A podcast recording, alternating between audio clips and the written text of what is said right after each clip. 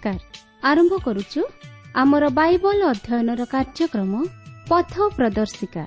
ପବିତ୍ର ବାଇବଲ କହେ କାରଣ ପାପର ବେତନ ମୃତ୍ୟୁ କିନ୍ତୁ ଈଶ୍ୱରଙ୍କ ଅନୁଗ୍ରହ ଦାନ ଆମ୍ଭମାନଙ୍କର ପ୍ରଭୁ ଖ୍ରୀଷ୍ଟ ଯୀଶୁଙ୍କ ସହଭାଗିତାରେ ଅନନ୍ତ ଜୀବନ ଅଟେ। ଆସନ୍ତୁ ସେହି ମୃତ୍ୟୁର ଭୟରୁ ରକ୍ଷା ପାଇ ଅନନ୍ତ ଜୀବନର ଅଧିକାରୀ ହେବା ନିମନ୍ତେ ଶୁଣିବା ବେତାର କାର୍ଯ୍ୟକ୍ରମ ପଥ ପ୍ରଦର୍ଶିକା।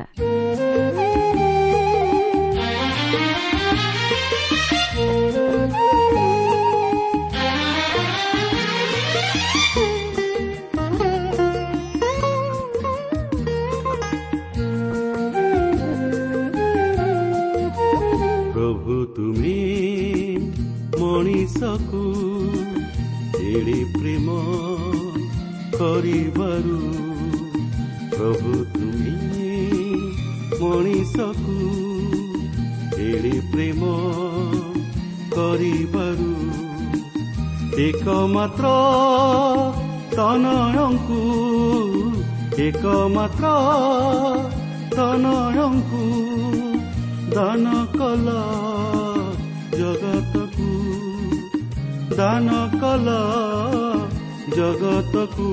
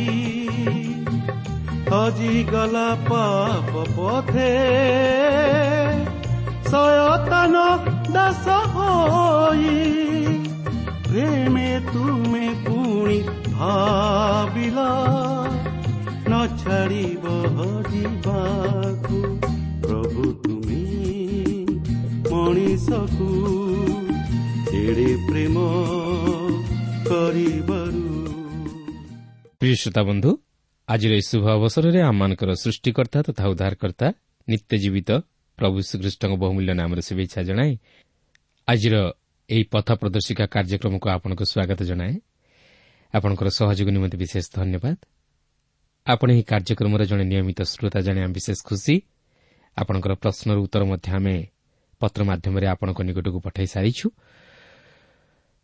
ଆପଣଙ୍କର ପ୍ରାର୍ଥନାର ଅନୁରୋଧ ରକ୍ଷା କରି ଆମେ ମଧ୍ୟ ଆପଣଙ୍କ ନିମନ୍ତେ ପ୍ରାର୍ଥନା କରୁଅଛୁ। ଆଉ ସେହି ପ୍ରଭୁ ଯୀଶୁ ନିଶ୍ଚିତ ଭାବରେ ଆପଣଙ୍କର ସମସ୍ୟା ସମାଧାନ କରିବେ। ଆସନ୍ତୁ ତାହେଲେ ପ୍ରଭୁଙ୍କର ବାକ୍ୟ ମଧ୍ୟକୁ ଯିବା ପୂର୍ବରୁ ପ୍ରାର୍ଥନାର ସହିତ ପ୍ରଭୁଙ୍କ ବାକ୍ୟର ନିକଟବର୍ତ୍ତୀ ହେବା। ଆସନ୍ତୁ ପ୍ରାର୍ଥନା କରିବା। ପ୍ରିୟ ପବିତ୍ର ପ୍ରଭୁ ତୁମର ପବିତ୍ର ନାମର ଧନ୍ୟବାଦ କରୁଅଛୁ ଏହି ସୁନ୍ଦର ସୁଯୋଗ ପାଇଁ ତୁମର ଜୀବନ୍ତ ବାକ୍ୟ ପାଇଁ। ପ୍ରଭୁ ତୁମର ବାକ୍ୟ ମଧ୍ୟ ଦେଇ ତୁମେ ଆମମାନଙ୍କ ସହିତ କଥା କୁହ। ସାନ୍ତ୍ୱନା ଦିଅ। ସାହସ ଦିଅ। ଏବଂ ପ୍ରଭୁ ପ୍ରତ୍ୟେକ ଶ୍ରୋତାବନ୍ଧୁମାନଙ୍କୁ ତୁମେ ଆଶୀର୍ବାଦ କର। ପ୍ରତ୍ୟେକଙ୍କର ମନୋବାଞ୍ଛା ତୁମେ ପୂର୍ଣ୍ଣ କର। ଆଜିର ଏହି କାର୍ଯ୍ୟକ୍ରମ ମଧ୍ୟ ଦେଇ ତୁମେ ଆମମାନଙ୍କ ସହିତ କଥା କୁହ।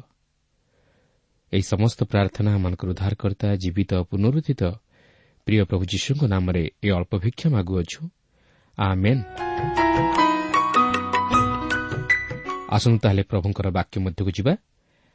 ଆଜି ଆମେ ରୋମିଓ ଆଠ ପର୍ବର ଚଉଦ ପଦରୁ ଆରମ୍ଭ କରି ସତେଇଶ ପଦ ପର୍ଯ୍ୟନ୍ତ ଅଧ୍ୟୟନ କରିବା ନିମନ୍ତେ ଯିବା। ମୋର ଅନୁରୋଧ ଆପଣ ଏହି କାର୍ଯ୍ୟକ୍ରମ ଆରମ୍ଭରୁ ଶେଷ ପର୍ଯ୍ୟନ୍ତ ମନୋଯୋଗର ସହିତ ଶୁଣନ୍ତୁ ତାହେଲେ ଆପଣ ପବିତ୍ର ବାଇବେଲ୍ ମଧ୍ୟରୁ ଅନେକ ନିଗୁଢ଼ ବିଷୟମାନ ଶିକ୍ଷା କରିବାକୁ ପାରିବେ। ତେବେ ଆଜି ଆମେ ରୋମିଓ ଆଠ ପର୍ବର ଚଉଦ ପଦରୁ ଆରମ୍ଭ କରି ସତେଇଶ ପଦ ପର୍ଯ୍ୟନ୍ତ ଅଧ୍ୟୟନ କରିବା ନିମନ୍ତେ ଯିବା କିନ୍ତୁ ଏଠାରେ ମୁଁ ଆପଣଙ୍କୁ ସ୍ମରଣ କରାଇଦିଏ ଯେ ଗତ ପାଠରେ ଆମେ ଶକ୍ତିଯୁକ୍ତ ପବିତ୍ରୀକରଣ ବିଷୟ ନେଇ ଆଲୋଚନା କରି ଦେଖିଥିଲୁ ଯେ ପବିତ୍ର ଆତ୍ମା ଏହି ଶକ୍ତିଯୁକ୍ତ ପବିତ୍ରୀକରଣ କାର୍ଯ୍ୟରେ ବିଶେଷ ସହାୟତା କରନ୍ତି ଓ ଜଣେ ଉଦ୍ଧାରପ୍ରାପ୍ତ ଆତ୍ମା ପବିତ୍ର ଆତ୍ମାଙ୍କ ଶକ୍ତିରେ ହିଁ ତାହାର ପୁରାତନ ସ୍ୱଭାବ ଉପରେ ବିଜୟୀ ଜୀବନଯାପନ କରିବା ନିମନ୍ତେ ସମର୍ଥ ହୋଇଥାଏ ଓ ପବିତ୍ର ଆତ୍ମା ତାହାକୁ ସେହି ଶକ୍ତି ଓ ସାମର୍ଥ୍ୟତା ପ୍ରଦାନ କରନ୍ତି। ଯାହାଫଳରେ ଜଣେ ଖ୍ରୀଷ୍ଟ ବିଶ୍ୱାସୀ ବାସ୍ତବ ଖ୍ରୀଷ୍ଟୀୟ ଜୀବନଯାପନ କରିବା ନିମନ୍ତେ ଓ ଈଶ୍ୱରଙ୍କ ଅଭିମତକୁ ସଫଳ କରିବା ନିମନ୍ତେ ସମର୍ଥ ହୋଇଥାଏ। କିନ୍ତୁ ଆଜି ଆମେ ଆଉ କେତେକ ନୂତନ ବିଷୟ ଅଧ୍ୟୟନ କରି ଆଲୋଚନା କରିବାକୁ ଯିବା। ଆଉ ତାହା ସବୁ ହେଉଛି ନୂତନ ମନୁଷ୍ୟ ନୂତନ ସୃଷ୍ଟି ନୂତନ ଶରୀର ପ୍ରଭୃତି।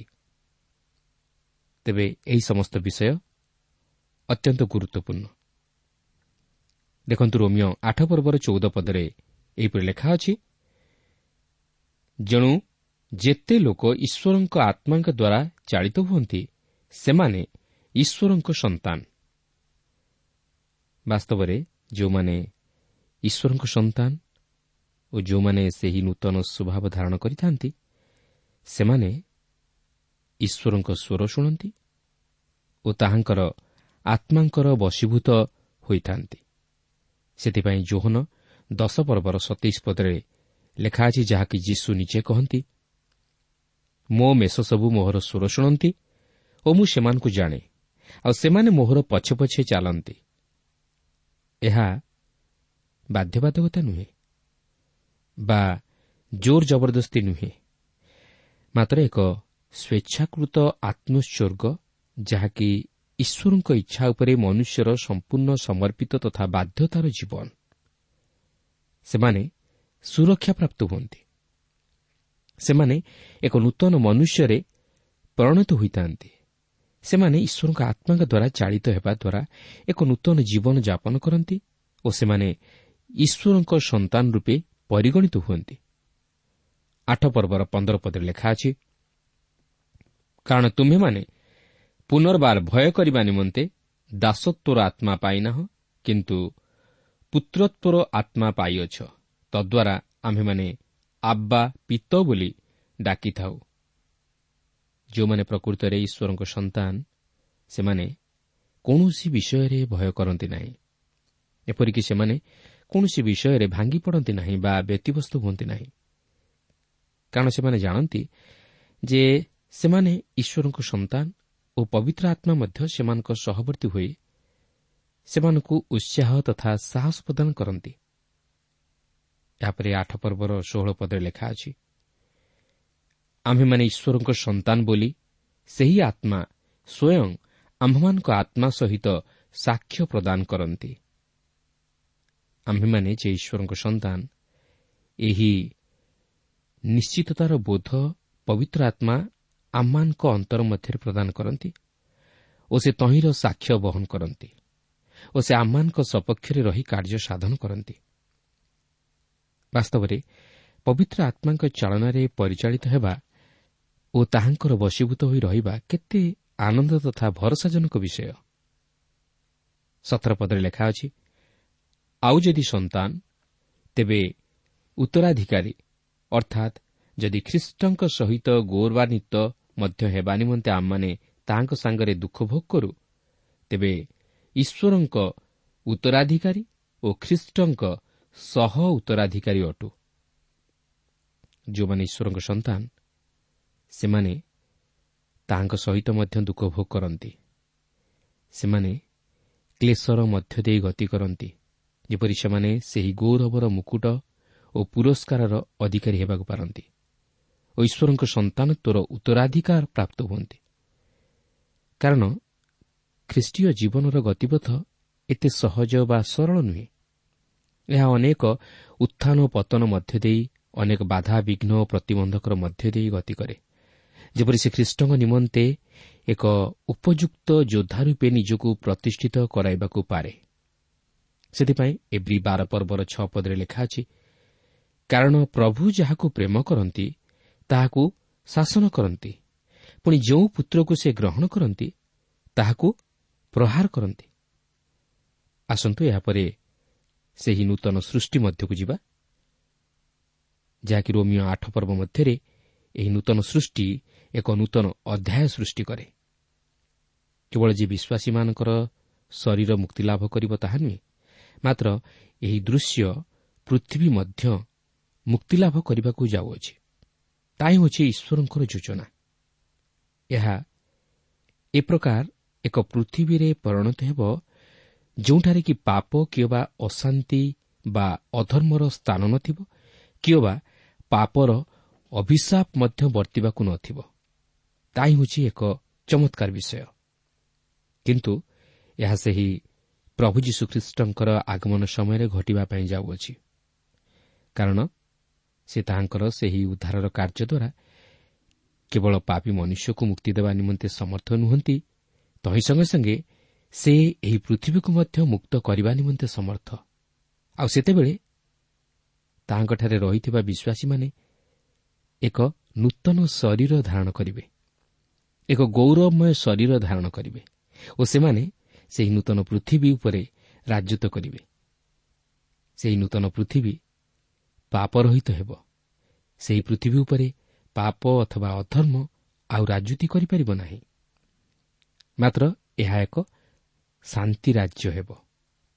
ଦେଖନ୍ତୁ ଆଠ ପର୍ବର ଅଠର ପଦରେ ଲେଖା ଅଛି କାରଣ ମୋ ବିଚାରରେ ଯେଉଁ ଗୌରବ ଆମ୍ଭମାନଙ୍କ ପ୍ରତି ପ୍ରକାଶିତ ହେବ ତାହା ତୁଳନାରେ ଏହି ବର୍ତ୍ତମାନ କାଳର ଦୁଃଖ ଭୋଗ କିଛି ହିଁ ନୁହେଁ।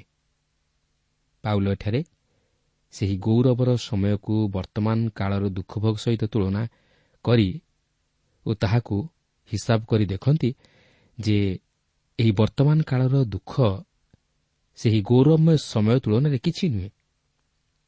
ଅନ୍ୟ ଅର୍ଥରେ କହିବାକୁ ଗଲେ ଖ୍ରୀଷ୍ଟ ବିଶ୍ୱାସୀ ନିମନ୍ତେ ଯେଉଁ ଦୁଃଖ ଆସେ ତାହା ତାହା ନିମନ୍ତେ କ୍ଷତିଜନକ ନୁହେଁ ମାତ୍ର ଲାଭଜନକ। ସେ ଯେତିକି ଦୁଃଖ କଷ୍ଟ ମଧ୍ୟ ଦେଇ ଗତି କରେ ସେତିକି ଅଧିକ ଲାଭବାନ ହୁଏ। ଜାଗତିକ ଧନରେ ନୁହେଁ ମାତ୍ର ଆତ୍ମିକ ଧନରେ। କ୍ଷୟ ଧନରେ ନୁହେଁ ମାତ୍ର ଅକ୍ଷୟ ଧନରେ। ତେଣୁ ଜଣେ ଖ୍ରୀଷ୍ଟ ବିଶ୍ୱାସୀ ନିମନ୍ତେ ଏହି ଜଗତରେ କ୍ଲେଶ ଅଛି ବା ତାହାକୁ ଅନେକ ଦୁଃଖ କଷ୍ଟ ମଧ୍ୟ ଦେଇ ଗତି କରିବାକୁ ଅଛି। କିନ୍ତୁ ତାହା ତାହାର ଅମଙ୍ଗଳ ନିମନ୍ତେ ନୁହେଁ ମାତ୍ର ମଙ୍ଗଳ ନିମନ୍ତେ। ସେ ବର୍ତ୍ତମାନ ସେହି ଦୁଃଖ ବା କ୍ଲେଶରୁ କେବେ ହେଲେ ନିଜକୁ ଦୂରେଇ ରଖିପାରିବ ନାହିଁ ଆଠ ପର୍ବର ଉଣେଇଶ ପଦରେ ଲେଖା ଅଛି ଯେଣୁ ସୃଷ୍ଟିର ଏକାନ୍ତ ଆକାଂକ୍ଷା ଈଶ୍ୱରଙ୍କ ସନ୍ତାନମାନଙ୍କର ପ୍ରକାଶ ନିମନ୍ତେ ଅପେକ୍ଷା କରୁଅଛି ଏହି ସୃଷ୍ଟି ଆଜି ଏକ ଆଚ୍ଛାଦିତ ପ୍ରତିମୂର୍ତ୍ତି ସ୍ୱରୂପ ହୋଇ ରହିଅଛି। କିନ୍ତୁ ଯେତେବେଳେ ଈଶ୍ୱରଙ୍କ ସନ୍ତାନଗଣ ସେମାନଙ୍କର ସେହି ଶାରୀରିକ ସ୍ୱଭାବର ବାହ୍ୟ ଆବରଣକୁ ବାହାର କରିଦେଇଛନ୍ତି ସୃଷ୍ଟି ମଧ୍ୟ ସେହିପରି ପ୍ରକାଶମାନ ହେବ। ତାହାର ସେହି ଆବରଣ ଖୋଲିଯିବ ତାହାର ସେହି ବାସ୍ତବ ରୂପ ପ୍ରକାଶିତ ହେବ। ସେ ଏକ ନୂତନ ସୃଷ୍ଟିରେ ପରିଣତ ହେବ। ବାସ୍ତବରେ ସେଦିନ କେତେ ମହାନ ଦିନ ଓ ଗୌରବର ଦିନ ହେବ। କୋଡ଼ିଏ ପଦରେ ଲେଖା ଅଛି କାରଣ ସୃଷ୍ଟି ଅସାରତାର ବଶୀଭୂତ ହେଲା। ତାର ନିଜ ଇଚ୍ଛାରୁ ନୁହେଁ କିନ୍ତୁ ଯେ ତାକୁ ବଶୀଭୂତ କଲେ ତାହାଙ୍କ ଇଚ୍ଛାରୁ। କାରଣ ସୃଷ୍ଟି ଅସାରତାର ବଶୀଭୂତ ହେଲା ଅର୍ଥାତ୍ ଏହି ସୃଷ୍ଟି ବିଫଳତା ଓ ବିନାଶର ସମ୍ମୁଖୀନ ହେଲା। କିନ୍ତୁ ନିଜ ଇଚ୍ଛାରୁ ନୁହେଁ ମାତ୍ର ସେହି ସୃଷ୍ଟିକର୍ତ୍ତାଙ୍କ ଇଚ୍ଛା ଅନୁଯାୟୀ ଯିଏକି ଏକ ମହାନ ଆଶା ରଖି ତାହାକୁ ବଶୀଭୂତ କରାଇଲେ। ତେଣୁ ଏହି ସୃଷ୍ଟି ଅସାରତାର ବଶୀଭୂତ ହେଲା ଯେହେତୁ ଈଶ୍ୱର ସେହି ପ୍ରକାରେ ତାହାକୁ ସୃଷ୍ଟି କଲେ। ଆଦମଙ୍କର ଅବାଧ୍ୟତା ହେତୁ ପାପର ଅଭିଶାପ ମାନବ ସମାଜ ପ୍ରତି ବର୍ତ୍ତିଲା। ଓ ଏହି ଦୃଶ୍ୟ ପୃଥିବୀ ମଧ୍ୟ ସେହି ଅଭିଶାପର ଅଧୀନ ହେଲା।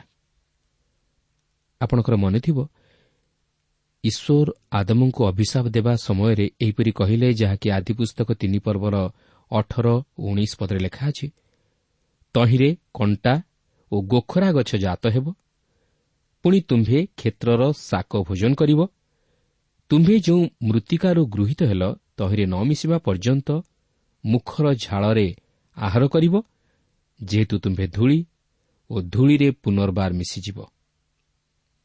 ଆଜି ମଧ୍ୟ ଏହି ସୃଷ୍ଟି ସେହି ଅଭିଶାପର ଅଧୀନ। କିନ୍ତୁ ଦିନ ଆସୁଅଛି ଏହି ସୃଷ୍ଟି ସେହି ଅଭିଶାପରୁ ମୁକ୍ତ ହୋଇ ଏକ ନୂଆ ରୂପ ଧାରଣ କରିବ। ଏକୋଇଶ ପଦରେ ଲେଖା ଅଛି ଆଉ ତାହା ଭରସାଯୁକ୍ତ ହୋଇ ବଶୀଭୂତ ହେଲା। ଜଣୁ ସୃଷ୍ଟି ନିଜେ ମଧ୍ୟ ଈଶ୍ୱରଙ୍କ ସନ୍ତାନମାନଙ୍କ ଗୌରବମୟ ଅବସ୍ଥା ସମ୍ବନ୍ଧୀୟ ସ୍ୱାଧୀନତା ପ୍ରାପ୍ତି ନିମନ୍ତେ କ୍ଷୟର ଦାସତ୍ୱରୁ ମୁକ୍ତ ହେବ। ମନୁଷ୍ୟ ମରଣଶୀଳ। ତାହାର ଶରୀର ମରଣଶୀଳ। କେହି ଜଣେ ଏପରି କହନ୍ତି ଯେଉଁ ମୁହୂର୍ତ୍ତରେ ସେ ଆମକୁ ଜୀବନ ଦାନ କରନ୍ତି ସେହି ମୁହୂର୍ତ୍ତରୁ ସେ ତାହା ଆମ୍ଭମାନଙ୍କଠାରୁ ନେଇଯିବାକୁ ଆରମ୍ଭ କରନ୍ତି। ତେଣୁକରି ଏହି ସୃଷ୍ଟି ମଧ୍ୟରେ ମୃତ୍ୟୁ ଓ ବିନାଶ ଦେଖାଯାଏ। ଏକ ସୁନ୍ଦର ଅରଣ୍ୟ ମଧ୍ୟକୁ ଯାଆନ୍ତୁ। ସେଠାରେ ଆପଣ ବୃକ୍ଷ ଭାଙ୍ଗି ପଡ଼ିଥିବା କିମ୍ବା ଶୁଖିଯାଇଥିବା ବା ନଷ୍ଟ ହୋଇଯାଇଥିବାର ଲକ୍ଷ୍ୟ କରିବାକୁ ପାରିବେ। ଅନେକ ପଶୁପକ୍ଷୀମାନଙ୍କର ମର ଶରୀରକୁ ଦେଖିବାକୁ ପାରିବେ। ଏହା ହେଉଛି ଏହି ସୃଷ୍ଟିର ବିଲୟ। ଏହି ସୃଷ୍ଟିର ବିଡ଼ମ୍ବନା। କିନ୍ତୁ ଏହା ମଧ୍ୟ ଏହି କ୍ଷୟର ଦାସତ୍ୱରୁ ମୁକ୍ତ ହେବ। ଆଠ ପର୍ବର ବାଇଶ ପଦରେ ଲେଖା ଅଛି କାରଣ ସମସ୍ତ ସୃଷ୍ଟି ଯେ ଆଜି ପର୍ଯ୍ୟନ୍ତ ଏକ ସଙ୍ଗରେ ଆର୍ତ୍ତନାଦ କରୁଅଛି ଓ ପ୍ରସବ ବେଦନାରେ ବ୍ୟତୀତ ହେଉଅଛି ଏହା ଆମ୍ଭେମାନେ ଜାଣୁ। ଦେଖନ୍ତୁ ଈଶ୍ୱର ତାହାଙ୍କର ସ୍ୱର୍ଗରେ ଠିକ୍ ଅଛନ୍ତି। ମାତ୍ର ଏହି ଜଗତ ସହିତରେ ସବୁକିଛି ଠିକ୍ ନୁହେଁ। ଈଶ୍ୱରଙ୍କ ବାକ୍ୟ କହେ ଯାହାକି ଜୋଏଲ୍ ଭବିଷ୍ୟତ ବକ୍ତାଙ୍କ ପୁସ୍ତକ ତାର ପ୍ରଥମ ପର୍ବର ଅଠର ପଦରେ ଲେଖା ଅଛି ପଶୁଗଣ କେମନ୍ତ ଆର୍ତ୍ତସ୍ୱର କରନ୍ତି? ଚରା ନଥିବାରୁ ଗୋରୁପଲ ବ୍ୟାକୁଳ ହେଉଅଛନ୍ତି। ମେଷପଲ ନଷ୍ଟ ହେଉଅଛନ୍ତି। ବାସ୍ତବରେ ଏହି ପ୍ରକୃତିର ରମଣୀୟ ଦୃଶ୍ୟ ଓ ଏହାର ମଧୁର ସଙ୍ଗୀତ ଯଦିଓ ମନକୁ ପ୍ରଫୁଲ୍ଲିତ କରେ ମାତ୍ର ତଥାପି ଅନେକ ସମୟରେ ପ୍ରାକୃତିକ ବିପର୍ଯ୍ୟୟ ଓ ପ୍ରକୃତିର କରାଳ ବିଭୀଷିକା ଅଶୁଭ ବାତାବରଣ ପ୍ରକୃତିର ସେହି ଆର୍ତ୍ତନାଦକୁ ପ୍ରକାଶିତ କରେ। ଏହି ବିଷୟକୁ ଦୃଷ୍ଟି ଆଗରେ ରଖି ଗୋଡେତ୍ ଏହିପରି କହନ୍ତି ପ୍ରକୃତି ତାହାର ସେହି ସୁମଧୁର ସଙ୍ଗୀତ ମଧ୍ୟ ଦେଇ ଏକ ବିବାହ ବସ୍ତ୍ରରେ ସଜ୍ଜିତା କନ୍ୟାକୁ ଉପସ୍ଥାପିତ କରେ ଯେ କି ବିବାହ ନିମନ୍ତେ ପ୍ରସ୍ତୁତ ଓ ବିବାହ ବସ୍ତ୍ରରେ ସୁସଜ୍ଜିତା ହୋଇ ବରକୁ ଭେଟିବା ପାଇଁ ପ୍ରସ୍ତୁତ। ମାତ୍ର ଦେଖୁଛି ତାହାର ସେହି ବର ମରିଯାଇଅଛି। ସେ ସେହିପରି ବିବାହ ବସ୍ତ୍ରରେ ସୁସଜ୍ଜିତା ହୋଇ ଛିଡ଼ା ହୋଇଅଛି। ମାତ୍ର ତାହାର ଚକ୍ଷୁ ଲୋତକରେ ପରିପୂର୍ଣ୍ଣ। ବାସ୍ତବରେ ପ୍ରକୃତିର ଆର୍ତ୍ତନାଦ ଠିକ୍ ଏହିପରି। ଏହାପରେ ଆମେ ଆଉ ଏକ ନୂତନ ବିଷୟ ଲକ୍ଷ୍ୟ କରିବାକୁ ପାରିବା ତାହା ହେଉଛି ନୂତନ ଶରୀର। ଦେଖନ୍ତୁ ଆଠ ପର୍ବର ତେଇଶ ପଦରେ ଲେଖା ଅଛି ଆଉ କେବଳ ତାହା ନୁହେଁ କିନ୍ତୁ ପ୍ରଥମ ଫଳ ସ୍ୱରୂପେ ଆତ୍ମାଙ୍କୁ ପାଇଅଛୁ ଯେ ଆମ୍ଭେମାନେ। ଆମ୍ଭେମାନେ ନିଜେ ନିଜେ ମଧ୍ୟ ପୁତ୍ରତ୍ୱ ଅର୍ଥାତ୍ ଆପଣା ଆପଣା ଶରୀରର ମୁକ୍ତି ନିମନ୍ତେ ଅପେକ୍ଷା କରୁ କରୁ ଆପଣା ଆପଣା ଅନ୍ତରରେ ଆର୍ତ୍ତନାଦ କରୁଅଛୁ। ଦେଖନ୍ତୁ କେବଳ ପ୍ରକୃତି ଯେ ଆର୍ତ୍ତନାଦ କରୁଅଛି ତାହା ନୁହେଁ। ଖ୍ରୀଷ୍ଟ ବିଶ୍ୱାସୀ ମଧ୍ୟ ପ୍ରକୃତି ସହିତ ସମସ୍ୱରରେ ଆର୍ତ୍ତନାଦ କରୁଅଛି। ଆମେ ଏହି ଶରୀର ମଧ୍ୟରେ ଆର୍ତ୍ତନାଦ କରୁଅଛୁ। ଏହି ଶରୀର ଆମମାନଙ୍କର ପାପ ଲାଗି କଳୁଷିତ ତଥା ମୃତ। ଏହି ଶରୀର କ୍ଷୟଣୀୟ ଶରୀର। ଏହି ଶରୀର ଯନ୍ତ୍ରଣାଦାୟକ। ମନୁଷ୍ୟ ଯେତେବେଳେ ବାର୍ଦ୍ଧକ୍ୟ ଅବସ୍ଥାରେ ପଦାର୍ପଣ କରେ ସେତେବେଳେ ଏହି ଶରୀରର ଯନ୍ତ୍ରଣା ସହ୍ୟ କରିବା ବା ଏହି ଶରୀରକୁ ବହନ କରିବା ତାହା ପ୍ରତି ଅତି କଷ୍ଟକର ହୋଇଥାଏ। ଆଜି ପ୍ରତ୍ୟେକ ଖ୍ରୀଷ୍ଟ ବିଶ୍ୱାସୀ ଏହି ଶାରୀରିକ ଅଭିଳାଷ ଓ ଇନ୍ଦ୍ରିୟ ଲାଳସରୁ ରକ୍ଷା ପାଇବା ନିମନ୍ତେ ଆର୍ତ୍ତସ୍ୱର କରନ୍ତି। ସେମାନେ ଏହି କ୍ଷୟ ବା ମର ଶରୀରରୁ ମୁକ୍ତି ପାଇବା ନିମନ୍ତେ ଆର୍ତ୍ତସ୍ୱର କରନ୍ତି। ସେଥିପାଇଁ ଦ୍ୱିତୀୟ କରିଥିବା ପାଞ୍ଚ ପର୍ବର ଦୁଇ ପଦରେ ଏହିପରି ଲେଖା ଅଛି ଯେଣୁ ଆମ୍ଭେମାନେ ତ ଆମ୍ଭମାନଙ୍କ ସ୍ୱର୍ଗୀୟ ଗୃହରୂପ ବସ୍ତ୍ରରେ ପରିହିତ ହେବାକୁ ଏକାନ୍ତ ଇଚ୍ଛା କରି ଏହି ଗୃହରେ ଥାଉଁ ଥାଉଁ ଆର୍ତ୍ତନାଦ କରୁଅଛୁ। ଏପରିକି ଗୀତ ରଚକ ଗୀତ ସଂଗୀତା ଛଅ ପର୍ବର ଛଅ ପଦରେ ଏହିପରି ପ୍ରକାଶ କରନ୍ତି ମୁଁ ଆପଣା କାତରୋକ୍ତିରେ କ୍ଲାନ୍ତ ହୋଇଅଛି। ପ୍ରତି ରାତ୍ରି ମୁଁ ଆପଣା ଶଯ୍ୟା ଭସାଏଁ। ମୁଁ ଲୋତକରେ ଆପଣା ଖଟ ତିନ୍ତାଏ ଏପରିକି ଆମମାନଙ୍କର ଉଦ୍ଧାରକର୍ତ୍ତା ପ୍ରଭୁ ଯୀଶୁଖ୍ରୀଷ୍ଟ ମଧ୍ୟ କ୍ରନ୍ଦନ କରିଥିଲେ। ଯଦିଓ ସେ ଆନନ୍ଦ କରୁଥିଲେ ମାତ୍ର ତାହାଙ୍କ ଜୀବନରେ ଏପରି ସମୟ ଆସିଥିଲା ଯେତେବେଳେ କି ସେ କାନ୍ଦିଥିଲେ। ବାସ୍ତବରେ ଏହି ଶରୀରରେ ଆମମାନେ ଆର୍ତ୍ତନାଦ କରୁ। କାରଣ ଏହି ଶରୀର ଦୁଃଖମୟ ଓ କ୍ଷୟଣୀୟ। କିନ୍ତୁ ଆଜି ପ୍ରତ୍ୟେକ ଖ୍ରୀଷ୍ଟ ବିଶ୍ୱାସୀମାନଙ୍କ ନିମନ୍ତେ ଏକ ମହାନ ଭରସା ହେଉଛି ଯେ ସେମାନେ ଏହି ଶରୀରରୁ ମୁକ୍ତିଲାଭ କରି ଏକ ଅକ୍ଷୟ ଅନନ୍ତ ଓ ଗୌରବମୟ ଶରୀର ଧାରଣ କରିବେ। ସେମାନେ ଏକ ନୂତନ ଶରୀର ଧାରଣ କରିବେ। ଆଠ ପର୍ବର ଚବିଶ ପଦରେ ଲେଖା ଅଛି କାରଣ ଭରସାରେ ଆମ୍ଭେମାନେ ପରିତାଣ ପାଇଅଛୁ। କିନ୍ତୁ ଦୃଷ୍ଟିଗୋଚର ଯେଉଁ ଭରସା ତାହା ଭରସା ନୁହେଁ। ଯେଣୁ ଯାହା ଜଣେ ଦେଖୁଅଛି ସେଥି ନିମନ୍ତେ ସେ କାହିଁକି ଆଉ ଭରସା କରିବ? ଆମ୍ଭେମାନେ ଭରସାରେ ଉଦ୍ଧାରପ୍ରାପ୍ତ ହୋଇଅଛୁ। ବା ଆମେ କହିପାରିବା ଯେ ଆମମାନେ ବିଶ୍ୱାସରେ ପରିତାଣ ପ୍ରାପ୍ତ ହୋଇଅଛୁ। ଯାହାକି ଆମମାନଙ୍କ ନିମନ୍ତେ ପ୍ରଭୁ ଶ୍ରୀଖ୍ରୀଷ୍ଟଙ୍କର ସେହି ପ୍ରାୟଶ୍ଚିତ କାର୍ଯ୍ୟକୁ ତାହାଙ୍କଠାରେ ଆମମାନଙ୍କର ବିଶ୍ୱାସକୁ ପ୍ରକାଶ କରେ। କିନ୍ତୁ ଏହା କେବଳ ଯଥେଷ୍ଟ ନୁହେଁ। ଏଥିସହିତ ଆମମାନଙ୍କର ଏକ ଉଦ୍ଧାର ପ୍ରାପ୍ତ ଶରୀର ଅଛି ଯାହାକି ଆମେ ଭବିଷ୍ୟତରେ ପ୍ରାପ୍ତ ହେବାକୁ ଯାଉଅଛୁ।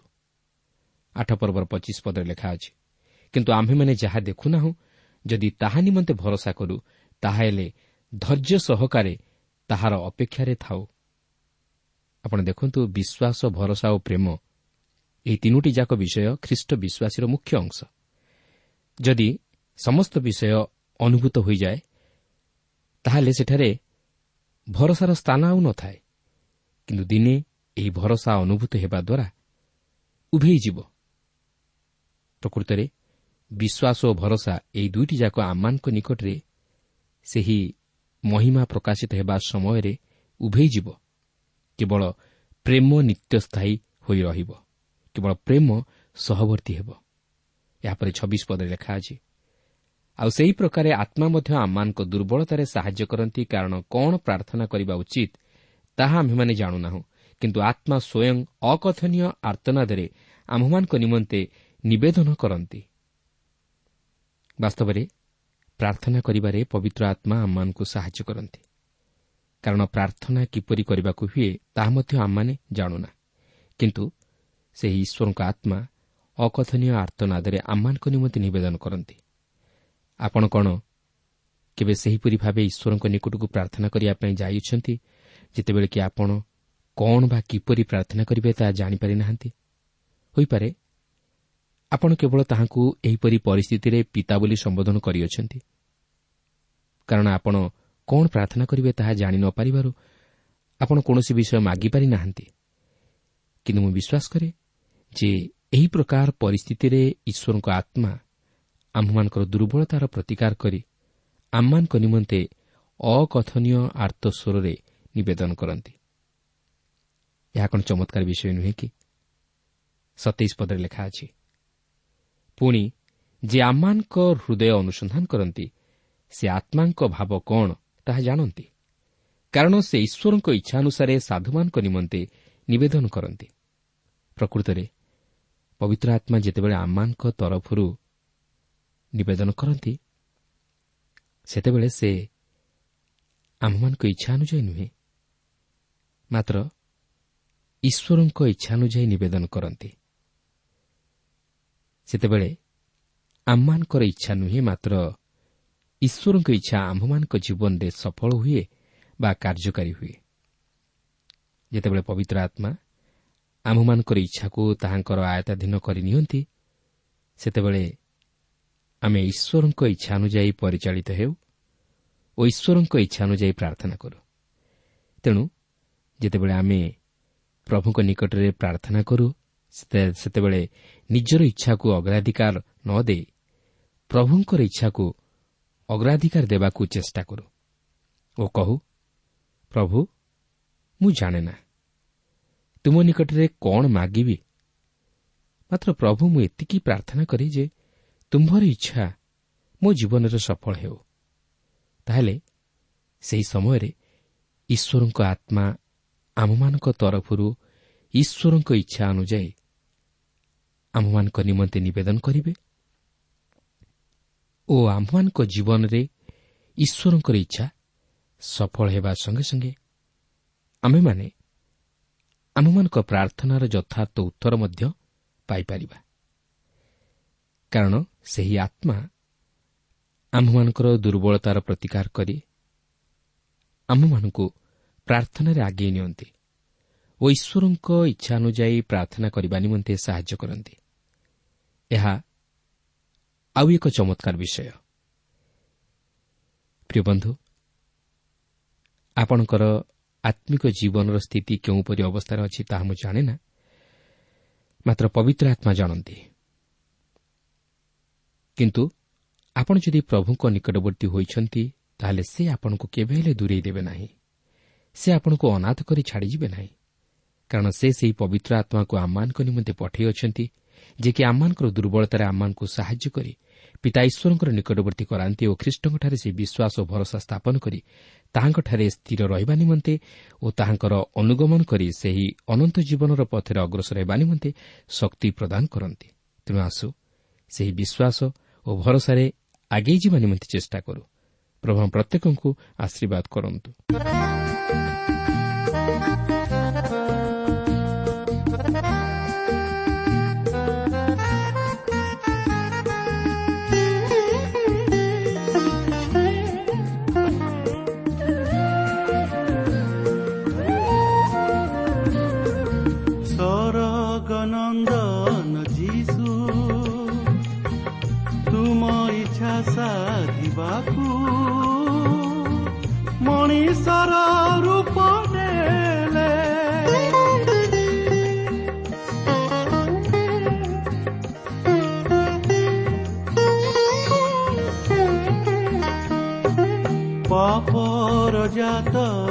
যেতে পাপি পাই নিরবরে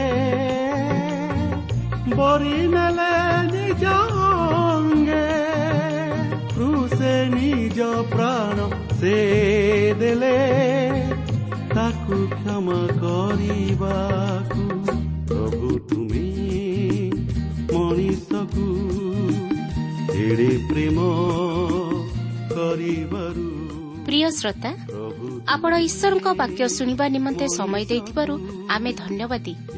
ଆପଣ ଯଦି ପ୍ରଭୁ ଯୀଶୁଙ୍କର ବାକ୍ୟ ବିଷୟରେ ଓ ତାହାଙ୍କର ପ୍ରେମ ବିଷୟରେ ଅଧିକ ଜାଣିବାକୁ ଚାହାନ୍ତି ଯାହାକି ଆପଣଙ୍କୁ ପାପରୁ ଉଦ୍ଧାର ପାଇବା ନିମନ୍ତେ ପଥ ଦେଖାଇବ ତାହେଲେ ଆମ ସହିତ ପତ୍ର ମାଧ୍ୟମରେ ଅଥବା ଟେଲିଫୋନ୍ ଯୋଗେ ଯୋଗାଯୋଗ କରନ୍ତୁ। Trans World Radio India post box number তিন তিন ভুবনেশ্বর সাত পাঁচ এক শূন্য শূন্য এক mobile number nine seven double seven double two one four one five ঠিকনাটি আউথরে শুণন্তু পথ প্রদর্শিকা Trans World Radio India post box number three three Bhubaneswar seven five one zero zero one mobile number nine seven double seven double two one four one five ଆମର email ଆଡ୍ରେସ୍ଟି ଲେଖି ରଖନ୍ତୁ Odia TV at radio eight eight two dot com ତେବେ ଆଜି ପାଇଁ ଏଠାରେ ରଖୁଛୁ। ପ୍ରଭୁ ଯୀଶୁ ଆପଣଙ୍କୁ ଆଶୀର୍ବାଦ କରନ୍ତୁ। ନମସ୍କାର।